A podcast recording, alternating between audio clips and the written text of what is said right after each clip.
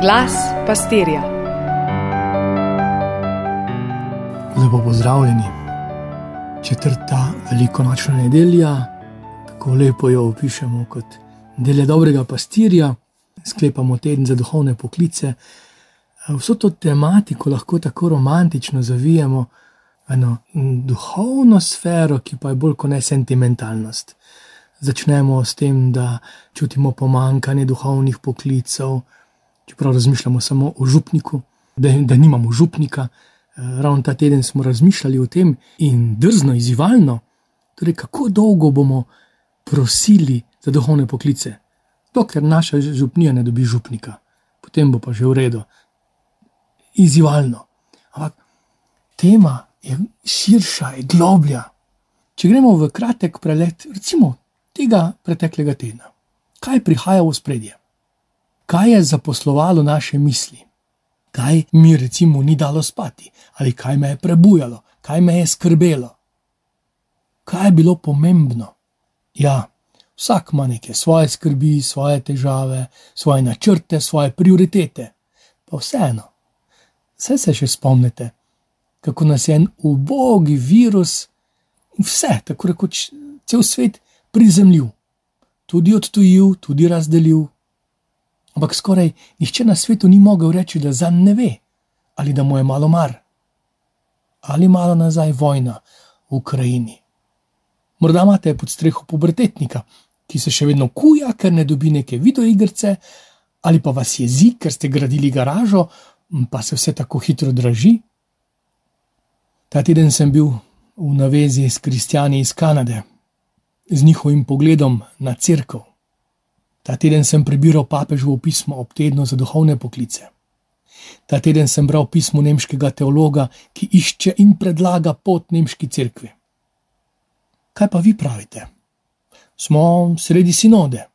Slovenski škofje so prosili, da bi povedali svoje mnenje, da bi povedali, kaj si mislimo, da bi povedali, kaj se nam zdi, da bi bilo potrebno storiti ko boste danes razmišljali, vas vabim, da se še s kom na to temo pogovorite.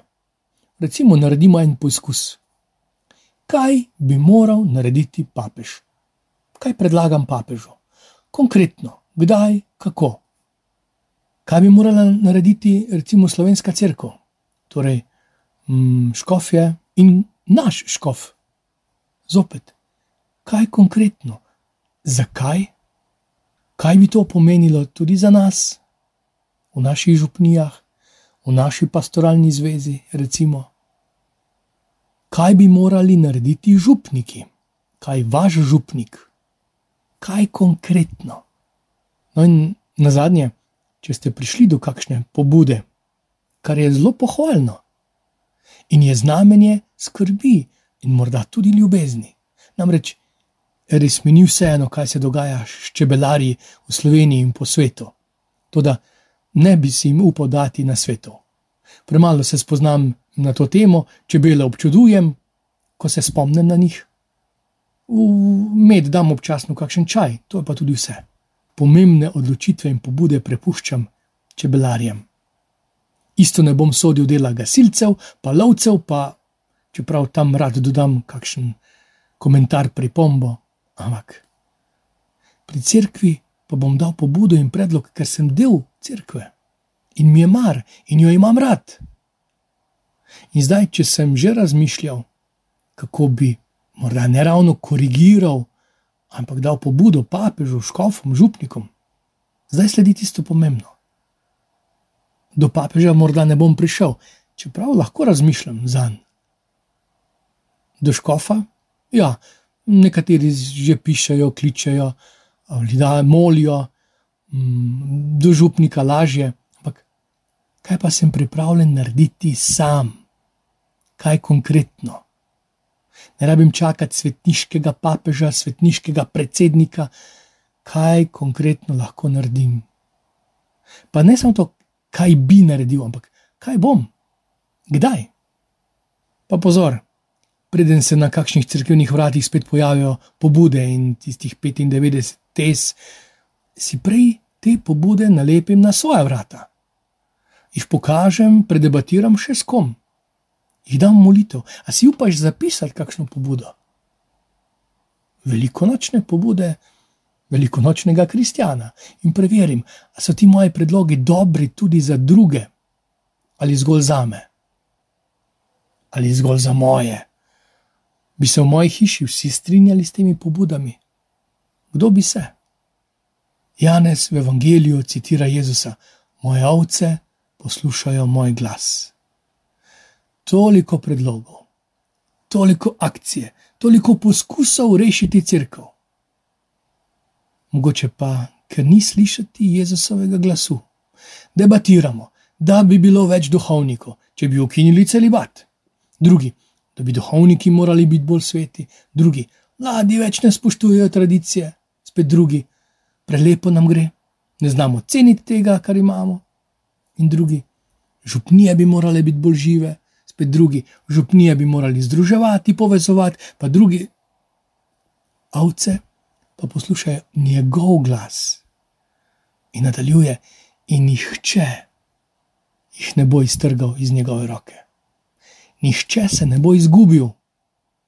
Sam pa imam občutek, da skoraj Nihče več ne verjame v podeljevanje zakramentov, vključno z župniki in škofi. Ne, v zakramente, v to ne dvomim, ampak, ampak kdaj, kako, komu. Ob tej bolečini doživljam stisko prve cerkve. Učenci so navdušeni, polni svetega duha, globoke vere. Prepričani, da se bodo vsi navdušili nad ostalim Jezusom. To smo slišali v prvem berilu apostolska dela, pa doživljajo škripanje z obmi ob najbolj pobožnih. Apostoli pa vztrajajo in spodbujajo, pa doživljajo pritožbe, pa doživljajo ugovarjanje, pa preklinjanje, nasprotovanje. In kaj sledi? Apostoli se obrnejo k drugim, rečejo k poganom, k nekrščenim. Shodnice, takratni templi, takratne župnije so se spraznile. Pridruževali so se pa novi, spreobračali so se tisti, ki so odprli srce Jezusu.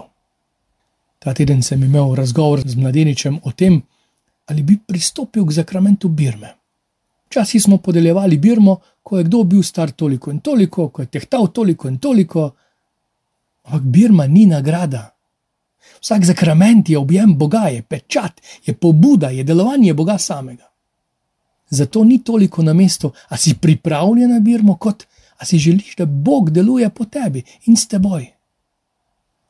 Zato vsem nam, to smo začutili na koncu Božje besede in tako pri prvem brilu, kakor v Evangeliju, ne, da so bili polni svetega duha, a si želimo, da Bog deluje po nas, da Bog deluje z nami. Potem prisluhnimo mi njemu, najprej, ne on nam in bo veljalo zagotovilo, da se ne bo izgubil nihče, prav nihče nas ne bo iztrgal iz očetove roke. Zato Pavel tako pogumno, kdorkoli bo klical Gospodovo ime, bo rešen. Bog živi, vse dobro.